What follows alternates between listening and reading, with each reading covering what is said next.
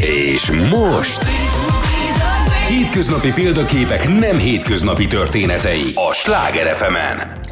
Jó estét kívánok minden kedves rádióhallgatónak és minket az Instagramon élőben nézőnek. Szerda este van, fél nyolc, izgatottan várom mindig az estét, és hát ezzel együtt a vendégemet is, mert kicsit, hát hogy is mondjam, áldott élet az, ahol minden szerda este az ember fel tud töltekezni energiával, fel tudja magát eh, teljesen hangolni, hogy aztán a következő hétig ez kitartson.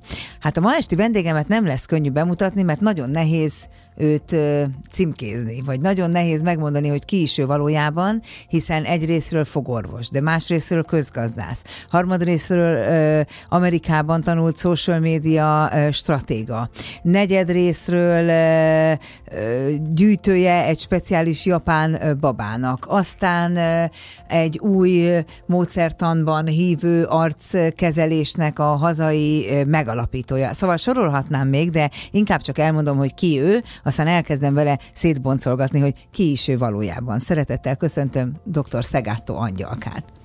Szervusz Kriszta, jó estét kívánok! Amit Köszönöm mondtam a eddig meghívást. Uh, igen, majdnem minden teljesen Jó. pontos. Így van. Angyalka, ez egy létező név? Hát Ez a- azok ez után, hogy én név? létezem ezzel a névvel, ettől kezdve már létező Igen, név. ez egy, ez egy eh, hülye kérdés volt így feltéve, de hogy ez egy anyag, tehát ez egy speciálisan anyagkönyvezett név, Absz- vagy ez egy általánosan is létező név? Általánosan is létező név. És te miért kaptad ezt a nevet, hogy angyal? Azért, mert engem fiúnak vártak, és csak Attilával készültek, mint az édesapám és neve. meglátták, és mondták, hogy ó, hát ez egy angyal. Nem, nem, nem. Egy jó, jó darabig, amíg a nagymamám nem ment be a kórházba, addig csak a vezetéknevem volt fölrakva a csuklomra. Aztán jött Komolyan? a nagymama, aki egy nagyon akkurátus és nagyon agilis hölgy volt, és, és egy hihetetlen jelenség. És akkor így anyukámnak eszébe juttatta, hogy hát a legjobb barátnője angyalka, tehát akkor gyorsan legyen neve a gyereknek. És akkor lett. És azért NG, ahogy én hívlak, mert egy, egy nagyon nemzetközi is vagy, csomó, csomó szempontból, Igen. és akkor azt az Angel-t jobban tudják. Ö, Jobban tudják igen ezt az NG-t kezelni, mert azért nemzetközi porondokon kimondani azt, hogy angyalka, én nem akartam Angyalka. senkinek se megkeseríteni az életét egy-egy bemutatás során. És aztán a social médiában is ez van rajtam, és ez lettem. Annyi mindent mondtam, hogy mi minden vagy, és valószínűleg egy csomó mindent még nem is mondtam. Jaj. Az, aki ennyi minden, és tizenéves korában ül és gondolkodik otthon, merengve az ablakon kifelé, hogy mi is leszek, amikor nagy leszek, akkor te mit gondoltál, mi leszel, ha nagy leszel? Hát akkor most elárulom neked, hogy hogy épül fel az egész történet. Nagyon kevesen tudják egyébként, és mindenki meghökken. Ülök és merengek, és Isten igazából nem tudom, hogy mi akarok lenni. Mert hogy rettenetesen sok minden érdekel. Az alapkiindulás az, hogy nálunk a sokoldalúság a családi környezetben kötelező volt. A szüleid mivel foglalkoztak? Édesanyám, édesapám tanár.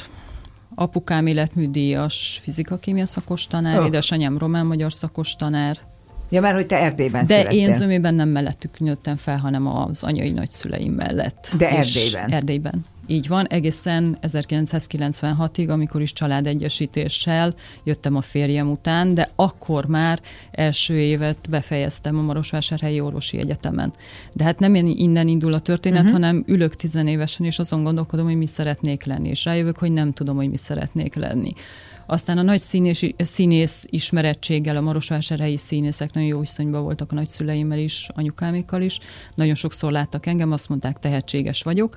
És azok után, hogy én négy év gimnáziumot szuperkémia osztályba lenyomtam az, egy, az ország egyik legjobb uh, liceumában, vagyis gimnáziumában, Aha. csak ott úgy hívták. Azok után ugye megtörtént a román forradalom, már a, a kémiának, ami nekem a szívem csücske volt, nem volt annyira vonzó perspektívája, érthető okok miatt, aki tudja a történelmet. Ezért uh, hallgattam a színészekre, és nagyon gyorsan eldöntöttem, hogy akkor készülünk, igen, kémia érettségére készülünk, de egyébként rettenetesen sok időt töltünk Marosvásárhelyen, úgyhogy ez alatt nem vagyunk iskolában, mert felkészülünk gyorsan egy színművészeti felvételire. Ami meg is történik? Ami meg is történik, és egy sértődöttséggel zárok, mert hogy nem értettem, hogyha azt mondják, hogy tehetséges vagyok, akkor miért nem vesznek fel. És talán ez az egyetlen terület, ahol egy kicsit egy éretlenség mutatkozott meg belőlem, mert nem fogtam fel, hogy olyan emberekkel felvételizek egy periódusban, akik hosszú évek óta arra várnak, hogy bekerüljenek, segédszínészként dolgoznak, nagyon komoly színházi Aha. tapasztalattal múltal, és értelemszerűen az öt lány és hét fiú helyre, amit román forradalom után akkor először adtak ilyen mennyiséget, mert előtte egy-kettő volt az arány, természetesen, úgyhogy korhatáros is volt, nekik elsőbségük volt. Itt először mutatkozik meg az éretlenségem, ami a évesen, ami azért mondjuk nem egy van, meglepő 17 dolog. évesen. És itt először mutatkozik meg az, hogy bennem is valahol elrejtve van egy olyan, hogy, hogy nem tartok ki valami mellett. De alapvetően Lehet, ez az egy ez volt. volt az utad. Valószínűleg ezért, akkor ezt így nem fogalmaztam meg magamba, csak volt bennem egy sértettség, és akkor úgy döntöttem, hogy na jó, nem. És azon az őszön rendeztek egy potfelvételit egy bukaresti egyetem Sepsi Szentgyörgyi fakultásán, Aha. közgazdasági. Ó, oh, még mindig nem az orvosia? Nem, nem. Felvételiztem, fölvettek, és ott ismertem meg az Emilt, mert hogy a férjem ő Sepsi szóval 18 éves volt korod óta ismered az Emilt, aki a férjem? 19, igen, 31. éve vagyunk együtt. Na most, aki titeket együtt lát, az tényleg olyan, mint a borsó, meg a héja, meg a zsák, meg a foltja, tehát a, a két fura összetalálkozott, de azt tudni kell, hogy én a furát mindig nagyon pozitív értelemben használom, magamra Tudom. is szoktam tudod mondani, ja. hogy mi furák tartsunk össze, sőt, ha lenne rádióműsorod, akkor biztos ez a furának lenni jó, vagy valami hasonló lenne a, a címe. Nem tudom, hogy mekkora lenne a hallgatóság ennek a műsornak. Szerintem de... egyébként egyre több, mert, mert már nem kell egy dologhoz érteni feltétlenül nem, tehát ha sok dologhoz értesz, és egyszer a sok dologban vagy jó, az nem azt jelenti, hogy semmiben nem vagy jó igazán, hanem hogy igenis vannak olyan emberek, akiket egy irány nem elégít ki. Igen, és ez, te ezt megmered fogalmazni, de egyébként azt tudnod kell, hogy az egész életem arról szólt, hogy lépten megmutatkozik az, hogy ez hátrány.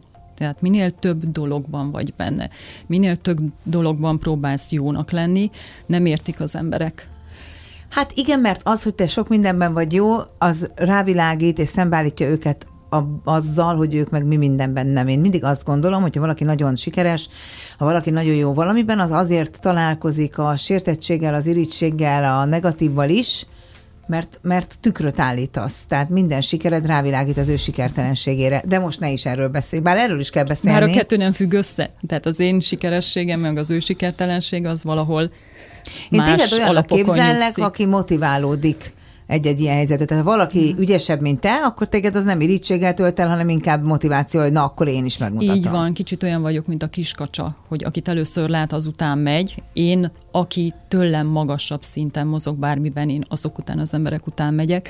Minden szavukat, minden mozdulatukat lesem, hogy minél többet tanuljak tőlük, úgyhogy nem zavarom közbe őket, és akkor így tudok fejlődni. Tehát engem ez, ez motivál, engem ez tovább lendít. Nem az van, hogy megijedek, és akkor elrohanok másik irányba. Istentelenül nagyot veszítettem volna nagyon sokszor.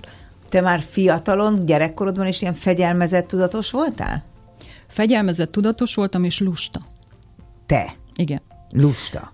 Tehát hát sok az, mindent hogy, el tudok rólad képzelni, de hogy lusta, azt nem. Ezt úgy értsd, hogy Például az iskolába abból éltem, amit bent az iskolapadban, bent az iskolában én magamra szedtem, nem igazán akartam én otthon ezzel foglalkozni. Zseniális nagymamám, aki szintén pedagógus, elhitettem vele, hogy auditív memóriám van, voltam ötödik és hatodik osztályos, kb. És egy hihetetlen nő volt, egészen pontosan tudta, hogy ez nem így van. Azt mondta, hogy rendben, akkor úgy tanulunk. Leült a konyhaasztal másik oldalára, elvette a történelemkönyvemet, a földrajzkönyvemet, és felolvasta nekem a leckéket, mivel auditív memóriám van, Legalábbis ezt mondtam, ezt, igen, igen, hát akkor ő segít. és akkor Kiderült, volt egy periódus, amikor így tanultunk. De amúgy nem az van. Amúgy az van, hogy nagyon gyorsan memorizálok bármit is, nagyon hosszú évekre, szinte azt lehet mondani, hogy egy fegyver a memóriám. Visszamondok helyszíneket, ruhákat, szemszínt, szó szerint idézek vissza 5-10 évvel ezelőtt elhangzott mondatokat. Az veszélyes akár. sokak számára. Veszélyes. Csak hát nem, nekem akkor úgy, úgy, tehát annyi minden érdekelt mindig, hogy én nem tudtam ott ülni a tankönyv mellett, és, és azt tanulni, amit. Aztán ez persze megváltozott aztán az orvosin, hát ott ami nem ugye a közgazdasági egyetemet követte, ott, ott nem lehetett. Tehát ott egyszerre De a közgazdasági kellett a... egyetem után miért kellett még az orvosira is menni? Még mindig nem találtad nem a kellett. helyed? Van egy, van egy ö, istentelen erős tudásvágyam, ami mai napig egy nagyon erős belső hajtóerő és motiváció.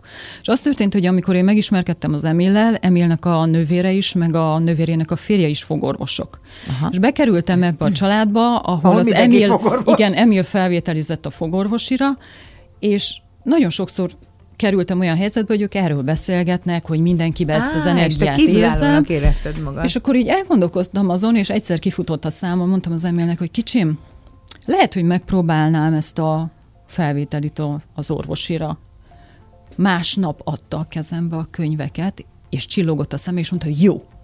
Tehát neki fogtam, és egyféleképpen magamnak is akartam bizonyítani, hogy, hogy be tudok kerülni abba a világba, ami annó az én korosztályomba, Marosvásárhelyi Orvosi Egyetemről beszélünk, az a kiválasztottak világa volt. És ezt már tudatosították bennünk gimnáziumba is, hogy ti odavalók vagytok, ti ne is álmodjatok ilyesmiről. Én ugye nem álmodtam ilyesmiről, tehát nekem ez később jött, de annyira belém sült az, hogy ez a kiválasztottak világa, hihetetlen érzés volt bekerülni. Tehát neked egy viszonylag véletlen múl, véletlenül múlt az, hogy most nemzetközi hírű és elismert fogorvos vagy. Hihetetlen. Milyen érdekes, nem, hogy az Szó emberek szerint. életében a véletlenek milyen Igen. furcsa eredményeket hoznak. Igen. Lehet, Meg a aztán- munka. Nyilván a munka, meg a felkészültség, meg hogy nem hagyod, hogy beleköthető legyen a tudásod a mai napig sem, meg tudom, hogyha nemzetközi workshopra készülsz, akkor napokig készülsz arra, meg tanulsz, hogy szórakoztató is legyen, ne csak informatív, tehát, hogy van benned sok-sok vágy, nem csak a saját szakmáddal kapcsolatban. Hát ez egy ilyen perfekcionista, maximalista, de te ezt élvezed, és nem fáraszt. Nem, Vagy? sőt, sőt feltölt, és folyamatos mozgásban tart, hát valahogy úgy érzem, hogy nem tudnak lemerülni az elemeim. Talán egész életem alatt, az 51 év alatt kétszer volt olyan, amikor ki is mertem mondani, hogy most egy kicsit elfogytam. Na most pillanatnyilag is ez van, az elmúlt két-három hét volt az, amikor mondtam az Emilnek, hogy kincsem azért úgy érzem, hogy most úgy nincs erőm. És akkor mit csinálsz? Van, hogy leülsz, hátradőlsz, és nem csinálsz semmit, vagy az filmet elke- nézel? ne, ne, ne, ne, az mit csinálsz, amikor el vagy fogyva? Nekünk Covid alatt sem volt Netflixünk. Egyáltalán nincs Netflix, nem nézel Most, filmeket? most már van, de nagyon ritkán nézek filmet, és most idézőjelesen, és senki ne sértődjön meg ez, ez alatt, uh, tehát emiatt én értékes filmeket szoktam nézni.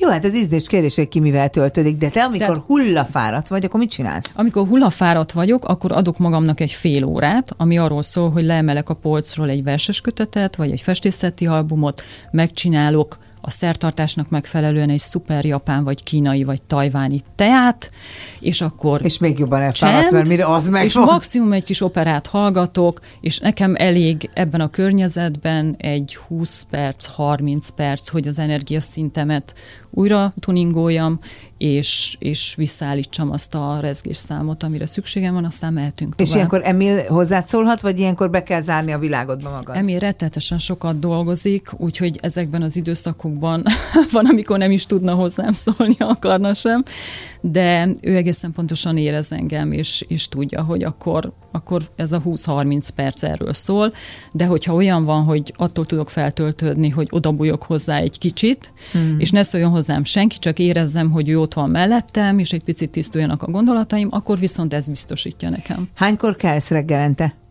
Fú, most nagyon sokan fogtok utálni. Ha azt mondod, hogy tízkor, akkor igen, de Nem, egyébként nem. nem. Nagyon későn fekszünk, általában ilyen fél kettő-kettő körül fekszünk. Mi a fenét Úgyhogy ennek megfelelően operát dolgozunk. Nem, dolgozunk. De nem a Tehát rendelőben. hazaesünk a rendelőből, általában ilyen 9-10 óra körül. Mert azt kell tudni, ha a rádióhallgató nem tudja, hogy ne legyünk beltérések, hogy te fogorvos vagy nem is akármilyen, Emil pedig gyakorlatilag a legelismertebb fogszabályzó specialista, hát így a világon, vagy Európában hát, mindenképp. Igen, az egyik legelismertebb egyébként, és hát egyetemi oktató, szakvizsgabizottság elnök, stb. stb. Mellesleg az egyik nagyon hát pillanatnyilag a legmagasabb szintű a Fogszabályozós Tudományos Társaságnak az elnöke, ami attól különleges, hogy nem csak fog szabályzó szakorvosokat, hanem az álcsontortopédiai szakterületet is egyesíti, mivel hogy nagyon sok olyan, olyan fogszabályzó kezelés van, ami műtéti támogatást igényel. És ezért ugye hát álcsontortopédia, tehát egy ilyen, egy ilyen tudományos nagyon társaságnak az elnök. ha, ha kimondod ezeket, és rosszul vagyok, e- ebből látszik a ti csodás zsenialitásotok, hogy ezzel foglalkoztok, mégis imádlak titeket. Tehát hogy ez, ez, ez egy faktum, hogy na jó, nem viccelem el. Tehát csak, hogy el akartam helyezni a hallgatókat itt egy ilyen mátrixban, hogy tehát egy közös helyen rendeltek, két külön rendelőben, de egy, egy közös. Két na, hazaestek onnan. Hazaesünk onnan, és akkor ugye én nagyon-nagyon sok projektben, fogáztatunk kívüli projektben is involvált vagyok, és uh, akkor én elkezdek azokkal dolgozni és haladni, az Emil meg ugye, hát kezdve attól, hogy, hogy ott van a szegedi csapata az egyetemen, akikkel dolgozik, ottani betegellátás, tudományos munkák, ezen kívül meg a, ennek a tudományos társaságnak a dolgai, most ennek a tudományos társaságnak lesz a második nagy nemzetközi kongresszus a májusban, úgyhogy ezt szervezzük, akkor állandó kapcsolatban áll ő is ki opinion lidere két cégnek is, külföldi, tehát globális, uh-huh. átlátszó, sínes fogszabályzós, tehát aligneres cégnek, Úgyhogy nagyon-nagyon sok a feladata, nagyon-nagyon sokat dolgozik, úgyhogy emiatt, emiatt ő is megy és halad ezekkel a dolgokkal, meg hát rátoltam a céges dolgokat is. Tehát én közgazdászként nem foglalkozom a céges dolgainkkal. nem, hát ez nem is az, hogy egy számla be, egy számla ki, vidd el a könyvelőnek. Na igen, nem de én meg foglalkozom azzal, hogy legyen tiszta ruha, meg ilyesmi, mert régen földön nem lehet normális takarítónőt, bejárónőt találni. Úgyhogy néha ilyen housewife vagyok, aki mosogat vassal, hat órát mondjuk, főzöget egy kicsit, ilyen Komoly. vegán kaját. Na, azt nem tudom elképzelni. Hát az olyan airfryeres 20 perces. Mert azt gondolnám, hogy az neked egy időpocsékolás. Abszolút időpocsékolás, csak mivel bármit. elment a séfem, visszament külföldre dolgozni, és két éve nincsen séfem, ezért kénytelen voltam ilyen minimálba beállni, hogy nem mindig rendeljünk, mert nem mindig tetszik az, ami... Jó, de mondjuk neked az étkezés eleve nem egy központi kérdés az Én életednek. nagyon utálok enni, és ezt senki nem hiszi el, de nekem tényleg a, az étkezés az gyakorlatilag az üzemanyag. Igen, kivéve a nagyon magas százalék számú csokoládé. Ja, ja. Mert az viszont nem üzemanyag, az élvezet. Az abszolút élvezet, hát és neked, a teák. amit a te teák, eszel, az van. nem. Nem, a 99%-os, 100%-os nagyon-nagyon finom tud lenni és tényleg érzed annak a kakaóbabnak az ízét. Hát ezt ki fogom próbálni, mert én ezekből azt szeretem, ami narancsos, meg nem tudom mi, de hát azért az is csak ilyen 70-80 százalék kb. Azt hiszem. Ezek nagyon-nagyon finomak. Tehát akkor csak, hogy tényleg a napi rutin, tehát hogy dolgoztok a rendelőben nyolcig, hazaestek, dolgoztok éjfélig az egyéb projekteken, és éjféltől fél kettőig dumcsisztok? Nem, nem, nem, nem, nem, nem, nem. Éjjel fél kettőig, kettőig dolgozunk, ha kell, és akkor úgy fekszünk le és gyorsan egyeztetjük a másnapi programjainkat, Elképesztő. hogy ki, hogy mind, mert ugyan látjuk egymás naptárát, de a fene sem nézegeti a másik ember naptárát, úgyhogy gyorsan leegyeztetjük, hogy ki mikor kell, ki mikor indul, ki merre mozog, és akkor elmegyünk aludni, és akkor ilyen, hát ilyen 8 óra 20-kor szoktunk Ja, azt hittem, ami óriási fogsz mondani, hogy tényleg 10-kor keltek. Nem, nem, nem, nem, 6 óra alvás, mert nem szeretnénk az életünknek több mint egy negyedét végig aludni, ezt megbeszéltük már viszonylag fiatalon. De ez elég is? Mert valakinek elég, ez nem elég, elég. és akkor ettől hat, most hallja lelkiismeret nem, van. Nem kell, mert teljesen más bioritmusunk van, tehát ez egyénileg változó Ugye én sokkot kapok attól, aki reggel hatkor már a teniszpályán áll, és mondtam, hogy nincs az Isten az ütőt, nem bírnám megfogni. De ő korábban is fekszik és az egy, az egy más, de van, akinek 8 óra alvás szükséges, de le is van írva egyébként, hogy a mikorosztályunknak, tehát 50 fölött azért már jó lenne a 7-8 óra alvás, Egyelőre nem kell, a 6-6 és fél óra teljesen Ebben mikor van. fér bele, ebbe a rettenetes mennyiségű munkába, és nagyon kevéske kis alvásba a sport? Mert az meg az életed része. Az szigorúan bele van téve a heti rutinba. Nagyon ritkán, ha utazunk, vagy ha elsodor egy ilyen projektelteli periódusnak. Vagy egy kiesik... hisztérika ügyfél, mint ahogy egy szó, egy Csecsi, azonnal kell, azonnal kell, érts meg! Hát ilyen még nem történt, de ha ezzel fenyegetsz, akkor felkészülök rá. Ja nem, mert én addig húzom, ameddig már kicsit tudom nyitni a szám, tudod. Na hát azért nem nincsenek ilyen problémák. Nincs. Isten őrizze, Jézusom, nem. Ez is egyféleképpen munka, és akkor ez be kell legyen pakolva a heti rutinba.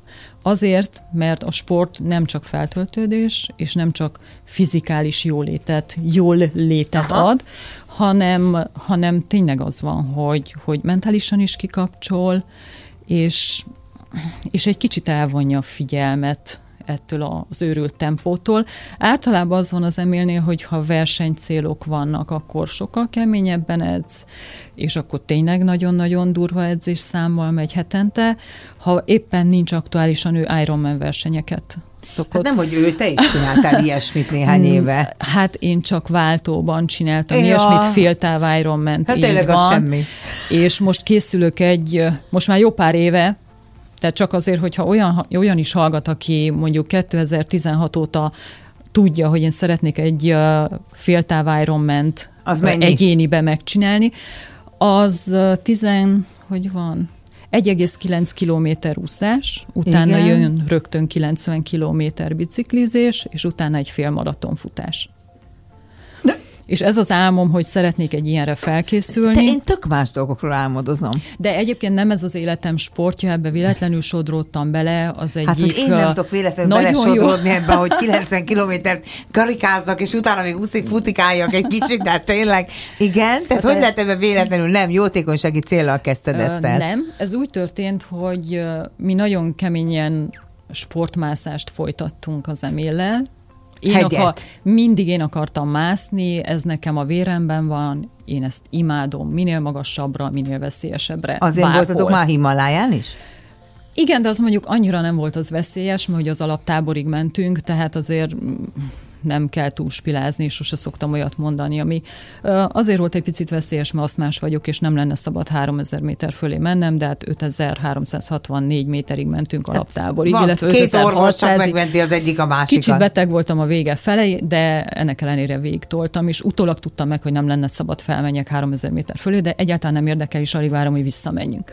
Szóval mi sportmásztunk, és akkor 2014-ben lett egy Budapest Ironman verseny, tehát normális Ironman hivatalos verseny, és akkor elkezdtünk arra, illetve elkezdett az Emil arra felkészülni, mert hogy van egy nagyon jó barátom, Csöke Balázs, aki profi Ironman versenyző, Svájcban él, olyan, mintha tesóm lenne, nagyon-nagyon szeretem, és valahol ő fertőzte meg egy kicsit az Emilt, meg egy akkori másik fogorvos barátunkat, akik neki régóta Aha. jó barátja volt, és akkor így a srácok elkezdték, hogy akkor ők is, ők is triatlon, meg Iron, meg, meg minden. Tehát ott leváltotta az Emil a sportmászást, emiatt egy picit én is szüneteltettem az egészet, és mivel belekerültem ebbe az Iron, meg, meg triatlon feelingbe, és ez nagyon-nagyon eszméletlen jó, csodálatos, és a budapesti verseny is szenzációs volt. Ezért uh, létrehoztunk két másik lányjal, a Gyenesei Lejló Tusázó olimpikon barátnőmmel és a dr. Tóth Melinda gyógyszerész barátnőmmel egy merrák prevenciós női triatlon csapatot. És akkor együtt dolgoztunk a Merrák Fórummal, és indultunk versenyeken, váltóban, de úgy, hogy a Team Prevention ez volt a nevünk. A Team Igen, Prevention de... zászlója alatt például pasik is indultak. Tudom, és akkor, akkor nagyon sok interjút adtál ezzel kapcsolatban, és mesélted Csisztú Zsuzsinak például egy műsorban, hogy előtte lévő évben négy kilométert nem tudtál még lefutni, mert majd meghaltál. De soha hogy nem, készültél soha nem fel? Uh, vissza fejem. De ebbe Tehát, segített egy sportoló, vagy te magadnak nem, elhatároztad, nem, és két kész? volt. Tehát elhatároztam, hogy uh, akkor életem első féltáv Ironman váltójában mi az, amit be tudok vállalni. Úszás nem, hát Gyenesei Leila úszott rekordidőt, tehát nem is volt kérdés. A Melinda ő nagyon jól bringázott, mindig is, tehát övé volt a bringa, nekem akkor még nem is volt triatlon, bringám, stb. stb. És akkor mi maradt? A futás és ott álltunk, de ők tudták, hogy megcsinálom, mert ők is mindig azt mondták, hogy te jó Isten, Himaláját arrébb tolod, olyan erős vagy fejben, és tényleg így van. Ott álltunk, hogy akkor a futás marad, de hát én soha nem futottam. Tehát amikor 2013. november 27-én este 7 órakor a Spuri futóboltban dolgozó Osó Zoltán ultramaratonista, stb. stb. ő lett akkor az edzőm várt a ház előtt, és azt mondta nekem, hogy na akkor, mert nem tudta, hogy én milyen szinten állok futásban, na akkor most futunk egy laza négy kilométert, én azt hittem elájulok. Ott álltam, és ezt mondtam is a tévébe többször is, nekem az akkor egy galaktikus É, távnak tűnt. És mondtam az Zolinak, hogy ne haragudj, az aszmám is, meg a szívem is, meg, meg soha nem futottam, az szerintem ilyen két percek, és akkor sétál. Mondta, hogy nem baj, felépítjük. És volt egy másik edzőm, egy nagyon jó fejlány, úgyhogy vele futottam futópadon a normál konditermi edzéseink végén. Ő mindig az időt tolta ki, tehát, hogy minél több ideig adott pulzus számon fussak. A Zoli meg a távolságokat tolta. És tényleg lett négy, hat, és eljutottunk oda, hogy ugye a félmaraton előtt a 15 kilométeres táv az, amit le kell És ezt futni. mennyi idő alatt jutottál el oda? Ez A- a, kérlek szépen nulláról. augusztusban volt a verseny. Tehát novemberben kezdtem el futni 2013-ba, és nekünk 2014-ben augusztus 29-én elsütötték a rajtpisztolyt. Tehát nekem ennyi időm volt felkészülni arra. Felkészültem, és megcsináltuk, és, És olyan, de, aki nem az Instán néz minket, tehát azt látnia kell, hogy megrángatod a vállalat, tehát a kávé, hát becsaptam két gombóc fagyit, és akkor nagyjából, tehát körülbelül ezt így mondod, de tényleg, tehát hogy ez ilyen nagyon, de mindennel így vagy, nem? Hogy így megugrod. Igen. Kielhatározod, nekifutsz, megugrod. Mielőtt tovább beszélnénk, hogy mi mindent ugrasz még meg, addig mi mindjárt beszélgetünk itt tovább, de a rádió hallgatók időjárásjelentést, közlekedési információkat és híreket fognak hallgatni. Mi nekünk fogalmunk nem lesz, hogy mi van a világban, de beszélgetünk itt tovább együtt. Szóval Oké, okay, ezt lefutottad, és akkor ezt csináltad egy jó ideig, mellrák prevenciós program, megint az hajt, hogy valamire felhívni a figyelmet, valami értelmet adni a, ennek az egésznek. De az egész ö, létezésed erről szól. Tehát, hogy az ember, amikor azt mondja, hogy valaki fogorvos, meg akár emiről is beszélhetünk, fogszabályzási specialista, hát azért akkor eszébe jut mindenkinek, hogy hát ez sok nullába fog kerülni, ez nagyon sok pénzbe fog kerülni, de nálatok ez a financializálás, nyilván pénzért dolgoztak, tehát nem akarom a hallgatókat félrevezetni, ne, nehogy, nehogy az legyen, hogy aztán tömött, tömött, sorok, fogászat. tömött sorokban állnak a, a szénatéren az emberek, de nem ez az első számú, de még nem is a második, meg a harmadik számú sem, szempontotok sem. Nem. Egyikötöknek sem. Nem. Ha az lenne, hányszoros vagyonod lenne? Hát inkább nem akarom kiszámolni. Nem. Nekem a pénz egy negatív energia. És emiatt az én nagyon tiszta, mert ugye a nevemhez hű vagyok az angyalkához, nagyon tiszta buddhista lelkemet távol tartom az ilyen jellegű negatív energiáktól. Tehát én a pénzzel csak akkor kapcsolódom, hogyha nagyon muszáj. Tehát alapvetően ezt a terhet is Aha. rányomtam az emélre. De hát ő se egy nagyon pénzkoncentrált Nem, pali. de, de hogy az egész mindent kezelje, még ez is az ő feladata szegénykémnek. Tehát én, én nem, én nem, én nem. Uh, nem. Alapvetően van bennem egy nagyon erős uh, küldetés tudat, uh-huh. hogy, hogy segítsek az embereknek. Na most ez tök jó, Bármelyik területeden. így van. De ha nem is a saját területemen, bármi másban, uh-huh. ha tudok. Például, ha én meglátok egy Instagram sztoriba bárkitől, akit ismerek, mindegy, hogy nagyon közeli vagy nagyon távoli, de ha ismerem, egy olyan sztorit vagy bármit, ahol egy kórházba van, vagy ilyesmi, azonnal írok neki, hogy mi történt, tudok-e valamit segíteni, tudok-e hozzátenni bármit is, És hívjál ez nyugodtan. valódi segíteni vágyás, vagy inkább csak egy jó neveltség, hogy hello, nem, hello, én nem, figyelek nem, rád? Nem, nem, nem, ez, ez, ez hajt engem, és bármiben. És nagyon szívesen csinálok meg rettenetesen sok dolgot ingyen. Azt kapod, amit adsz? Nem. Tehát akkor ez nem igaz, hogy az ember azt kapja, amit ad. Nem föltétlen igaz, de nincsenek elvárásaim. Egyetlen egy területen vannak elvárásaim a viselkedésben. A, hogy iszik, hogy eszik, hogy Hogy vagy iszik, hogy, hogy eszik, hogy köszön, és Akkor hogyan, is hogyan minket. viselkedik, igen, bizonyos helyzetekben, meg mennyire, egyáltalán mennyire érti adott helyzetekben a kölcsönösség fogalmát és jelentőségét. És ebben nincsenek túl jó tapasztalatait, gondolom Nincsenek. itthon. És nemzetközileg sincsenek? Szóval ez mennyire neveltetés és ö, egyfajta intelligencia kérdése? Az. De nagyon sok minden ebből tanulható lenne. Csak ugye minden, ami tanulás, az munka. És az emberek általában az eredményeket irigylik, a befektetett munkát azt nem. Igen, én szoktam mondani, amikor valaki azt mondja, jaj, mert neked olyan könnyű, akkor mindig mondom, jaj, hát odadom csak az odavezető úttal együtt. Persze. Mert az nem olyan látványos. Szerencsés vagy, de a szerencse az munkával kezdődik. És azzal is ér véget. Meg sok kudarccal, meg sok lemondással, meg sok egyébben. A lemondással azért vitatkoznék egy picit, Vitatkoz. mert amúgy tényleg ez, ezt így tudjuk, és így szoktuk mondani, hogy, hogy lemondással. Hát de tényleg. De volt egy nagyon-nagyon jó mondata egy svájci professzor barátomnak, akitől egyszer megkérdeztem, hogy nem érzed úgy, mert szakmai síkon akkorára nőtte ki magát, hogy, hogy nincs hozzá hasonló a világon, és ez mérhető számokban, tehát tudományos fokozat, mindenben, mindenben. És kérdeztem tőle még ott a legelején, mikor megismerkedtünk, hogy nem érzed úgy, hogy, hogy lemondtál dolgokról? És ilyen döb- nagyon, nagyon érdekesen kommunikál egyébként. Közölte velem, hogy ha nagyon akarsz valamit, akkor nem mondasz le semmiről.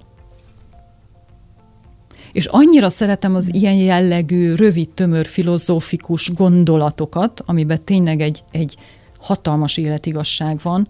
Tehát ha nagyon akarod, Akkor nem tűnik lemondásnak Így az, van. mert visz előre a célod. így van, így van. Hát a különböző mondatokkal egyébként is remek kapcsolatban vagy, Na jó, oké. Okay. mert van egy másik mondat, amit gyakran hallunk, hogy tulajdonképpen bárkiből lehet bármi.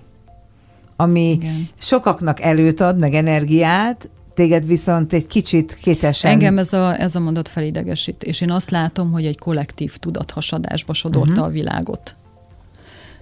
Pedig van Nem. olyan megközelítése is, amely szerint ez azért lehet igaz is. Nem szeretem, hogyha a középszerűséget terjesztjük. De miért, ez miért jelenti számodra a középszerűséget? Azért, mert hogyha valamire nem vagy alkalmas, és most mindegy, hogy fizikálisan, mentálisan, erőben, uh-huh. bár, tehát adottságokban, és azt elkezded csinálni, bármennyi munkát beleteszel, nem fogsz tudni eljutni oda, ahova eljuthatsz abban, ami, amire alkalmas vagy, és akkor mit csinálunk? Akkor az történik, hogy egy csomó ember megpróbálkozik bármivé válni, mondjuk én holnap kitalálom, hogy opera énekes szeretnék lenni. Jó, mert de hát nyilván tehát reálisan ismered a lehetőségeidet, bármi. nem?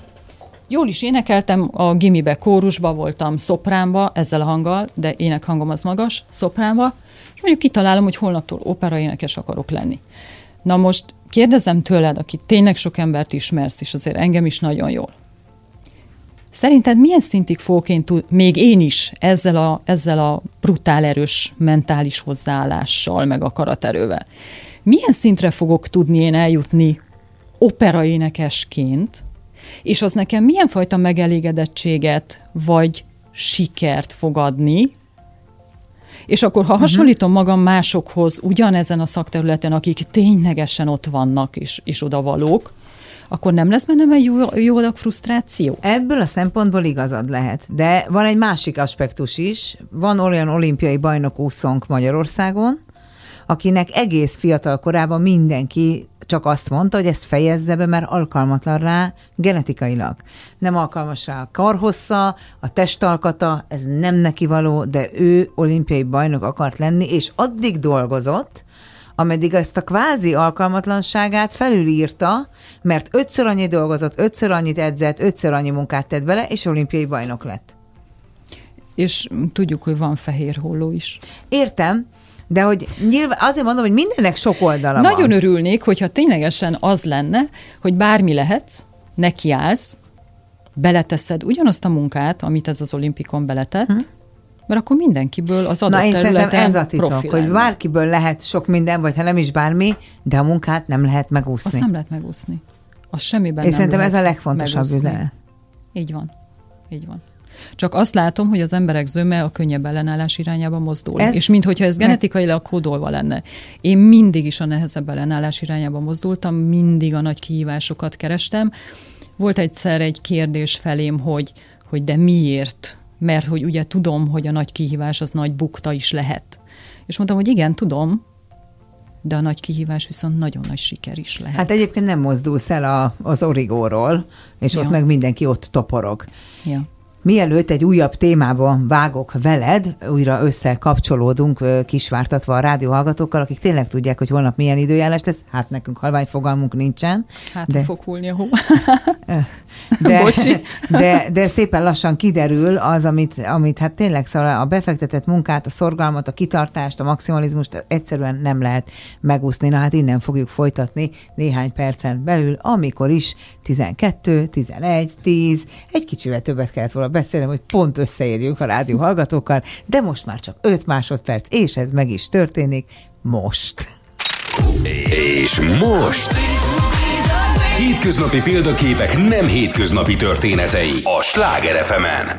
Nos, hát folytatjuk is itt a rádióban is a beszélgetést, ma esti vendégemmel, dr. Szegátó Angyalkával, akivel azt állapítottuk meg ebben a rövidke kis szünetben, hogy van néhány dolog, amit a sikerben és az eredményességben semmiképpen nem lehet megúszni, hát az pedig a befektetett munka, a szorgalom, a kitartás és egyfajta, hát ha már lehet így fogalmazni, beteges maximalizmus, de a tapasztalatunk az, hogy a legtöbben inkább a könnyű igen. könnyű megúszás felé telelődnek. Amikor nem orvos vagy, mert amikor orvos vagy, akkor jössz mész a világban, nemzetközi workshopokat tartasz, és olyan problémákat oldasz meg a pacienseid szájában, amit másnak nem sikerül, vagy olyan dolgokat hozol helyre, amiről más azt gondolt, hogy jól csinálja, de nem sikerült megoldani. Ö, igen, ez egy bizonyos szakterületen belül érvényes ez mielőtt mindenki azt gondolná, hogy aztán mindenben nagyon-nagyon topon vagyok. Nagyon megváltozott a fogászati szakma, én nagyon örülök neki, de még nem mindenki hajlandó ezt elfogadni. Nagyon sok szakterület van, minden egyes szakterület iszonyatosan, dinamikusan fejlődik nem csak infrastruktúrálisan, uh-huh. hanem tudományos oldalon szintén. Most arra gondolsz, hogy valaki az implantátumokban erős, Igen. valaki a porcelánfogakban, valaki ez lenne a fontos, hogy, hogy úgy vannak a szakterületek, hogy például a gyökérkezelések. Tehát manapság már a mikroszkopos gyökérkezelések azok, ami a garantálja a Tehát nem húzogatjátok ezt a furcsa tűt fölle, fölle, uh, hanem... Igen, mikroszkop alatt húzogatjuk ugyanazt a tűt, de én nem, mert bár én nagyon szeretem az endodonciát, de én nagyon korán felfogtam azt, amikor már külföldön láttam, hogy teljesen osztódik a szakma szakterületekre, hogy akkor beállok egy adott szakterületre, és nem szeretnék mással és foglalkozni. mi? A tied? Hát egy magas szintű esztetikával foglalkozom, tehát egyféleképpen én egy restauratív fogorvos vagyok. Ami... Tehát amit látunk, hogy a Ronaldo szájában mi volt régen, meg a Tom Cruise szájában mi volt eredendően, de ma már mindegyiknek ilyen gyönyörű foga van, vagy fogsora van, azt te mind meg tudod csinálni bárkiből. Nem, én a Tom Cruise nagyon szívesen újra kezelném, mert ami az ő szájában van, az rettenetes. Ah és ugyanígy sorolhatnám a Miley Cyrus-t és az összes többit. Teljesen más az amerikai iskola, és teljesen más a paciens elvárás, nem csak azon a földrészen, sajnos most már nálunk is. Hát mert őket látjuk, és fehér, szimmetrikus, halott, Én szeretnék virító, olyat azért, azért, tudod? Tehát ez, igen, de lehet gyönyörű szép, pont, pont most preparáltam 12 alsó héjat egy lánynak, akinek nemrég csináltam meg a fölsőket, és tényleg nagyon fehéret kért, és ebbe a fehérbe is olyan gyönyörű természetes hatásunk van, hogy Svájcban él, és mondta is, hogy, hogy senki nem hiszi el, akinek elmondta, hogy hiai vannak. Tehát lehet, lehet. Na, itt azért ez nagyon bonyolult, Uh-huh. a Tom Cruise meg egyéb, egyéb fogsorok, hollywoodi mosolyok története.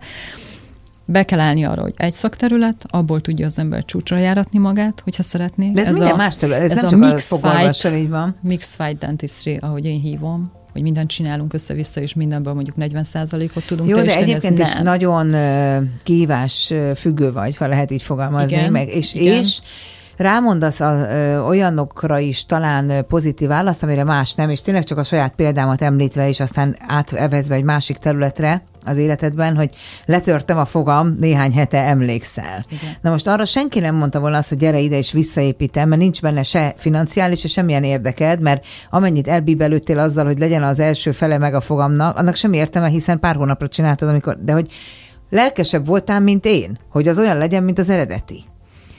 Miközben, hát mondom, tehát, ez hogy ez, lenne, ez minden nap egy kihívás. feladatunk, hogy ne csináljunk semmi olyat a más szájába, amit mi a saját szánkba nem szeretnénk, hogy legyen. Tehát én azt szoktam mondani, hogy ingyen sem csinálnék rossz munkát valakinek, Na de hány Nem, éve vagy már pénzért. fogorvos? És még mindig Hát nem múlt el a sok. szenvedélyed. Nem, és most új szakterületen mozgok, illetve hát ezen a restauratív és magas esztétika, esztétikán belül egy nagyon érdekes területet találtam magamnak. Félig sajnos, félig szerencsére nem olyan magas ebben az esetszám, de időről időre azért bejön ilyen eset a rendelőbe, és minden egyes alkalommal az van, hogy Úristen, te vagy az utolsó reményem. Na most persze egy nemzetközi szinten tudnék neki még utolsó reményt mutatni, négyet vagy ötöt, akiket én magam is kifizetni. ö, személyesen ismerek. Az egy De- nullával több, mint te minimum. Hát valószínű, de hát most mindegy. És akkor ez tényleg megint egy olyan kihívás, hogy azért a, az esztétikai zónában, tehát elől a frontfogakban, egy elvesztett frontfog pótlása úgy, hogy az tökéletesen esztétikus legyen, tökéletesen természetes Ne hatású ilyen legyen. És nem nyúlok hozzá a mellette lévő fogakhoz. Az esztétikai igényet hozta az új területedet, hogy egyszer csak hazahoztál egy olyan gépet a valahonnan, majd mindjárt megmondod, hogy honnan, ami úgynevezett non-invazív arckezelés, tehát nem műtéti igen. Eljárással hasznosított al- arcfiatalítást végez, kollagéntermelést ösztönöz, és mély izomzatot tornáztat. Így van. Hogy kerül ez a fogászati rendelőbe, és ez miért gondoltad, hogy neked kell ezt Magyarországra behozni? Nem, én nem ezt gondoltam, hanem az történt pár évvel ezelőtt, hogy elmentem a Buda Bernadett barátnőmhöz, aki azért esztétika területen egy igencsak fajsúlyos Ott név, már én és is jártam, gyönyörű és dolgokat, igen, és egy szenzációs nő. Elmentem a Bernihez, és mondtam, hogy Berni, drágám, az a bajom, hogy két oldalt itt megereszkedett az arcom, ami már mondjuk nem Hát, volt, gravitáció 48 működik. évesen nem volt annyira szégyen, uh-huh.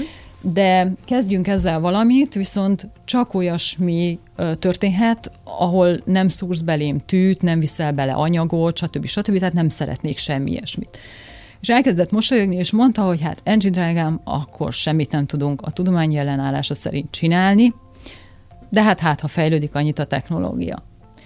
És akkor így eljöttem tőle, mondanám, hogy csalódott voltam, de hazugság lenne, mert nem voltam csalódott, mert azt mondtam, hogy hát meg tudok én méltósággal is öregedni. Hát most igen, látszik rá az emberen az idő, a tapasztalat, a dolgok megélése, Én szoktam mondani, hogy minden egyes láncom az, az van. nem véletlen, hogy ott van Igen, ahol. de hogy nem szeretném én, hogy, hogy semmi ilyesmi történjen. Uh-huh. Tehát invazív, csak azért, hogy mondjuk pár évvel fiatalabbnak tűnjek, el is engedtem a dolgot. És akkor az történt, hogy megismerkedtem egy szintén mm, csoda szakemberrel, tőlem hat éve fiatalabb hölgy, a Bar- dr. Barta Tünde, Debrecenből, a Májva Virág Alapítványnak a vezetője. Tünde egy szenzációs csaj, hasonló értékrenddel lelkülettel, mint én, és nekik nagyon sok gépük van, tehát nem csak a nőgyógyászati dolgokban, lézerben, hanem uh, esztétikai uh-huh. uh, infrastruktúrájuk is, és megláttam náluk márciusba, kint voltak uh, Párizsba egy kongresszuson, hogy megjelent egy olyan gép, ami non-invazív arcfiatalitást tud, és hogy ez egy forradalmian új és egyedülálló technológia a világon. Na és ettől már csillogott a szemem, hogy jaj, de jó, Eljött mert a akkor a, időd. Hát kvázi a hozzám hasonló nők és férfiak, Igen, tehát gondolkodásmódú nők és férfiak számára végre van megoldás. Persze ez nem azt jelenti, hogy ez a gép azt tudja, hogy 13 éves leszel, mert nem, és nem is kell. De azért az, hogy 30 pár százalék és 20 jó pár százalék ö, kal feszesebb izomzat, kötőszövet, stb. Meg nem mindegy. azt tudom. Meg, igen, meg fent lehet ezt tartani. Tehát egy adott korban az arckaraktert tudjuk javítani. Tehát akkor nem most kéne és kezdeni, hanem el kellett volna 15 éve kezdenem. Na jó, de hát Már ezt mindegy. megszívtuk, mert nekünk most már mindegy. Tehát a mi esetünkben azért, neked még nem, de az én esetemben abszolút, abszolút uh, idézőjelesen a gyógyítás, tehát a visszafordítás kategóriájában De tényleg az a megy ez két a dolog. és fél év, ami köztünk Viszont van, a- az nagyon lényegi különbség. Hát való igaz. Viszont a 20-30 éveseknél ott preventíve, mert azt az arckaraktert ki tudjuk tolni akár 5-8-10 évig. És akkor nagyon Wow. csillogott ettől a szemem, hogy jaj, de jó, mert akkor tündéjéknél lesz, mert náluk volt az első gép Magyarországon, Debrecenbe, és jaj, de jó, hogy náluk lesz, mert akkor Majd lemegyek és oda, aha. kipróbálom. Aztán teljesen véletlenül hát érdekelt a technológia, és akkor a, az Emil ráírt a cégre, hogy érdekelne Van minket egy ez a gép. aki mindenbe beleássa magát Igen. maximálisan, ami érdekli. És már nem férünk el a rendelőbe, de hagyd legyen még valami pluszba. és és ki is jött az egyik hölgy, tehát felhívott egyeztetett időpontot, és kijött az egyik hölgy, és akkor tájékoztatott mérehatóan erről az egész technológiáról. beleszedettél. És azt mondtam, hogy úristen, de jó. Na most az volt az érdekes, hogy nekem akkor nagyon csillogott a szemem az egésztől, és azt vártam volna, hogy az embereknek is ugyanígy csillog a szeme az egésztől. De most van egyféle, egyféle ilyen értetlenség, hogy mi is ez, meg hogyan is, meg ugye nem lehet tíz éves uh, utánkövetéseket mutatni, mert március óta van a gép Persze. Európában egyáltalán. Tehát egy kicsit azt látom, hogy ilyen, ilyen kicsit zavar van most a fejekben. Ö, Mindenképpen a Buda Bernadett is azt mondta, hogy ez egy nagyon-nagyon jó technológia, és ő azért elég releváns ezekben a dolgokban. Mellesleg neki van a testkezelőgépe ugyanezzel a technológiával, és az Anfisa Bulgakova, aki Magyarországon az arcjogának mondhatni a nagyasszonya, uh-huh. és ő tényleg nagyon profi, bráncsokat tart meg minden mindent. Tehát ő is egyfajta hivatástudatként éli meg ezt, hogy a természetes szépség, és hogy akkor megtanítani a nőket arra, hogy, hogy igen, idő, időigényes az egész, de azért mit tudsz csinálni az hát nem hogyha annyira, nem óra szeretnél más. kezelés, hát most azért Nem ez, ez, hanem amit ő csinál, Ja. az arcjoga. És akkor az Anfisa is kipróbálta, és ő is csak szuperlatívuszokba beszélt erről az egészről, neki is nagyon tetszett, tehát ő, ő mag, ö, saját magán megtapasztalta az azonnali hatást is, meg azt, hogy hogyan dolgozik, tehát elindítja az élettani folyamatokat, és még tovább dolgozik az egész, tehát következő héten még látod, hogy még javult, meg ilyenek. Az, hogy orvos vagy, nem hiteti mindezt sokkal jobban el a paciensekkel? Mert én azért hiszem el ezt mind neked, mert hogy orvos vagy, és sokkal inkább tudod ennek a szervi hátterét. Igen, ez egy nagyon-nagyon fontos uh, uh, sarokpont, amit most tényleg nagyon-nagyon jól fogtál meg. Ebben is, mint minden másban nagyon fontos a diagnosztika. Tehát amikor bejön egy páciens, akkor nem mindegy, hogy kiül vele szembe, és csak annyit tud, hogy fölragasztom, aztán bekapcsolom, aztán ja. Aztán lejárt a 20 perc, és akkor elengedem. Nem ez a lényeg. Tehát látni kell azon az arcon, és diagnosztizálni kell azt, hogy ez most kötőszöveti probléma elsősorban az ő panasza. Uh-huh. Izomgyengeség, strukturális változás, tehát idősebb korban csontleépülés, stb. stb. A zsírszövetek el ö, sorvadása. Tehát ezeket kell tudni diagnosztizálni. Ezt aki nem orvos nem fogja tudni. Tehát megnézed Igen, az arcot, tudod, hogy mi van, így van. lányka mellette, az nem És segít. ami még nagyon érdekes, hogy, hogy van például olyan páciens, aki az első két kezelésnél nagyon jól bírta azt a maximális százalékot, amit ugye el kell érnünk, mert az a leghatékonyabb, rádiófrekvenciában is, meg izomozgatásban is, és a harmadik kezelésénél például úgy reagált a rádiófrekvenciás melegítésre, hogy nagyon-nagyon sok százalékot vissza kellett venni, mert konkrétan égőnek érezte. Tehát ilyenkor, hogyha nem egy megfelelő szakember van melletted, aki ezt tényleg végigköveti, tehát nem ott hagynak, hanem ott vagy, nézed, emelet, ha kell, megnézed, szimmetrikusan Jó, mozog, ebben nem, is stb. ennyire stb. maximalista vagy, tehát lehet, hogy más ugyanígy kezel ilyen gépet, de nem így, mint te. Hát ö, Minden esetre az ember befekszik ebbe a székbe, vagy befekszik a fogászati székedbe, és véletlenül kinyitja a szemét a rettegés. jó, ez nem rólad szólt, ez rólam szólt. most sokan rád írnak, hogy ez nem így van, Nem, nem, ne nem, nem, tulajdonképpen tényleg az, így kezdtem, hogy, hogy a, a, fog, a fogorvos léted ellenére is nagyon szeretlek, de ez nem, tehát aki engem ismer a rádióhallgatókból kevesen, én tényleg egy nagyon bátor kislány vagyok, ha az orvosi dolgokat kell e, figyelembe venni, ám a fogászattól rette. Valószínűleg ez egy rossz emlék, de melletted nem féltem, tehát még, még soha, de tudod, milyen paragizi tudok lenni, de nem ez a lényeg hanem ha kinyitod a szemed, akkor számtalan kicsi baba néz rád, tradicionális japán kokesi babák. Igen. Azért, azért inok a fejed, hogy számtalan, mert neked sokkal több van otthon, meg itt ott, Így de hát azért, aki Így ilyet nem van. lát, az már a rendelőben is sokat lát. Ennek a gyűjtési szenvedélye honnan jött neked? Gyerekkorom óta valami miatt van egy erős kötődésem a japán kultúrához. Megmagyarázhatatlan, Voltál miért. kiskorodban Japánban, vagy nem? Nem, pont ez érdekes. És nem is hallottam senkit arról beszélni, meg stb. stb. Tehát nem volt téma a családban.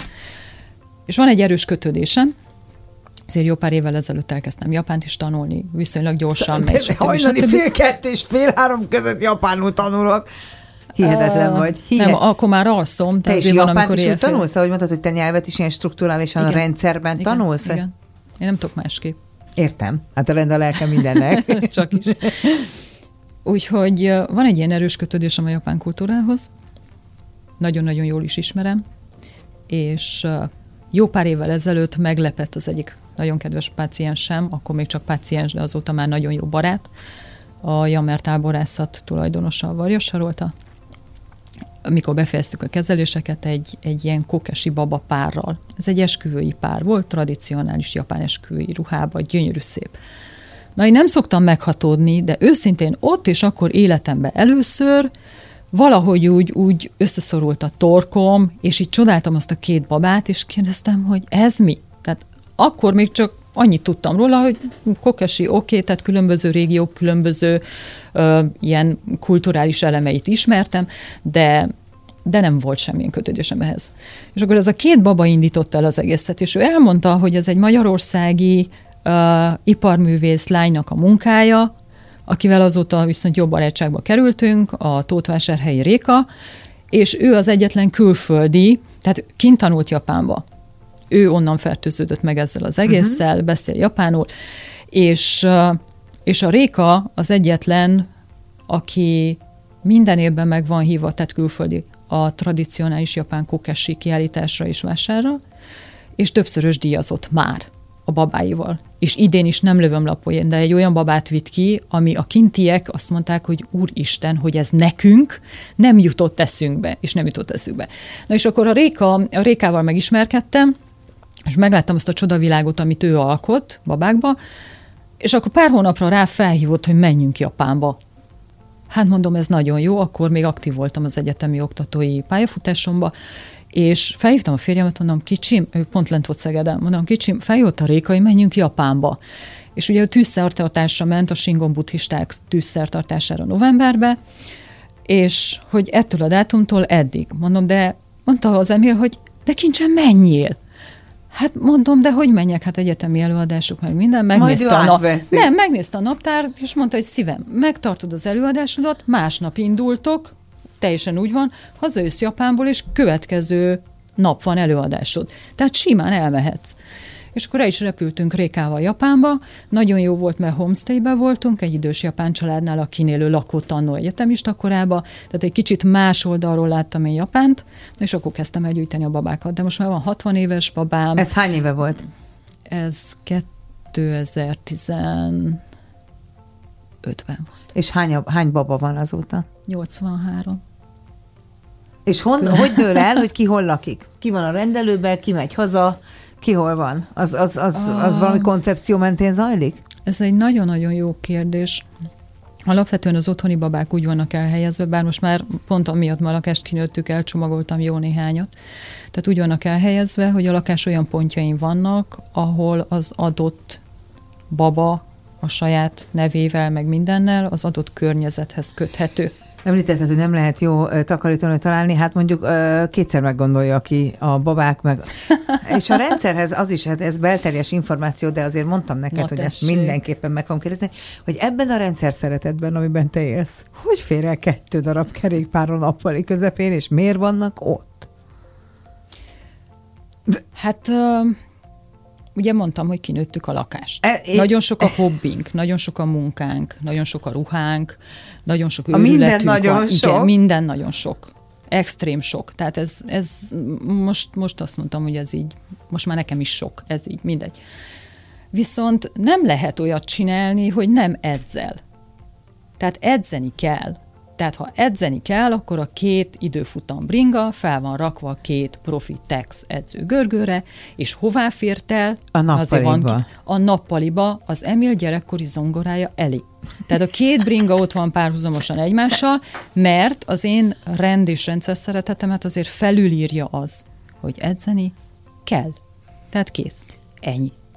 És akkor van, amikor Hát hát felpattanunk ketten este, de olyan is hogy este fél tizenegykor fogunk neki az edzésünknek, van egy-egy óra bringa De milyen jó, edzésünk. hogy ennyire partnerei vagytok egymásnak mindenben. Igen, igen ez Szóval ez azért nagyon ritka.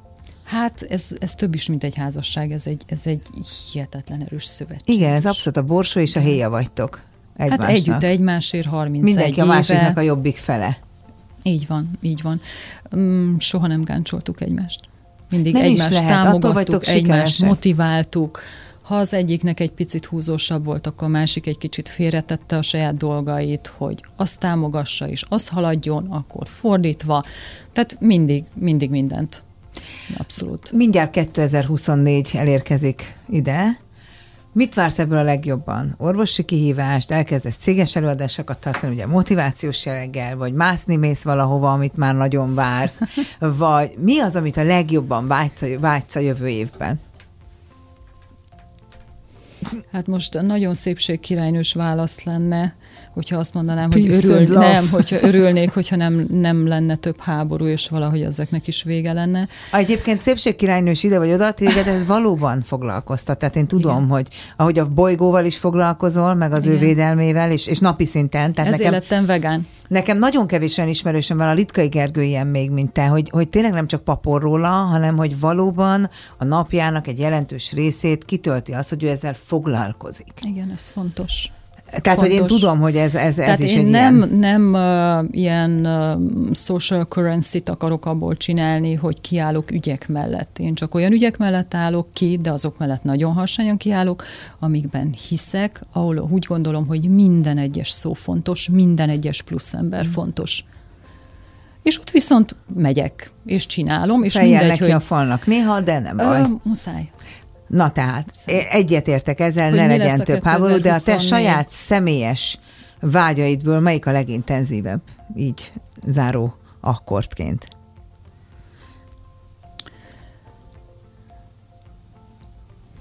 minél hasznosabb tagja maradni és lenni a társadalomnak, minél több embert segíteni, és ugyanolyan lendülettel dolgozni azért, hogy a megfogalmazott, vagy esetlegesen még meg nem fogalmazódott célai, céljaimat elérjem. De már tudod, hogy mész például mászni valahova? Vagy nem? Öm. Tehát ennyire tervezel előre privát programot is, vagy nem? De mindent, Mhm. uh-huh. tehát majdnem egy évre előre tudni szoktuk, hogy miket csinálunk, és hogy mint merre. Uh, van augusztusban egy kitűzött célom. Ausztriába az egyik Via Ferrata úton két hegycsúcs között van egy 45 fokban dőlő 40 méter Csak kihoztam hosszú nehezen, de nagy nehezen, de csak kihoztam. létra Donnerkogel, ez egy 7 órás Via Ferrata út egyébként, és alattad ott áton 90 méter szakadék, meg nem tudom hány száz méter az egész völgymélység, amit látsz, és ezt, ezt szeretném megcsinálni, tehát erre most nagyon komolyan készülünk.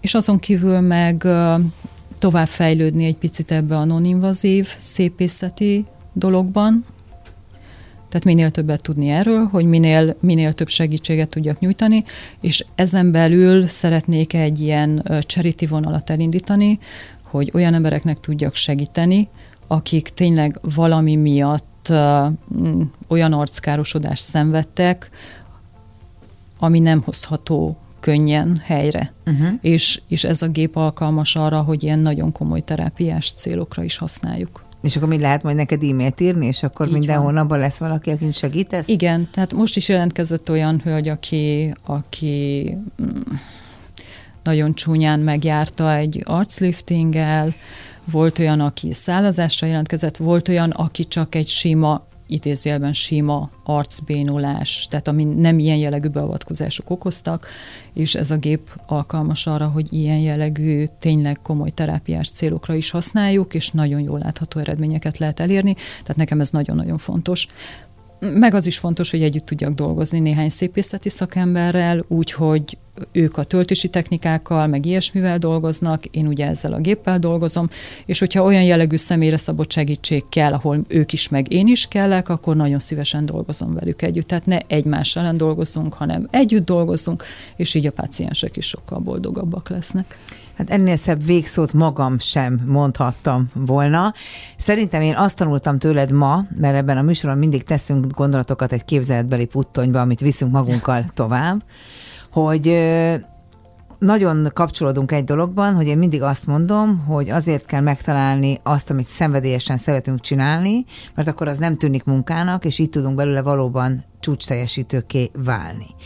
És tulajdonképpen akár mikor csak egy kicsit elkanyarodtunk hobbi, magánélete, akkor is olyasmiről beszélsz, ami a munkád, vagy a munkádhoz kapcsolódik, valószínű azért, mert ezt tölti ki az életed jelentős részét. A sok minden, amit csinálsz, de valahogy ez mind munka is. Igen, de nem munkának megélt munka. Akkor mind munka is, vagy egyik sem munka, még ha ezekből is élsz. Tehát, hogy tényleg az életedben megtaláltad azt, ami Igen. ennyire lelkesít. Ezt mindenképpen megtanuljuk tőled. Köszönöm szépen, hogy itt voltál. Én is köszönöm a meghívást, mindig élvezett veled beszélgetni. És mindig kifutunk az időből, ami éppen akkor rendelkezésre áll, de majd folytatjuk. Bízom benne, hogy a hallgatók is kaptak mondatokat azokba a puttonyokba, amiket most már együtt viszunk, hiszik vagy nem, 107. alkalommal együtt közösen. Jövő hétfőn, jövő szerdán is lesz hétköznapi példaképek, nem hétköznapi történetei, amikor is Porbé Renátát várom vendégül, aki természetgyógyász és az aromaterápia hazai megalkotója. Tartsanak velem akkor is, addig pedig vigyázzanak magukra.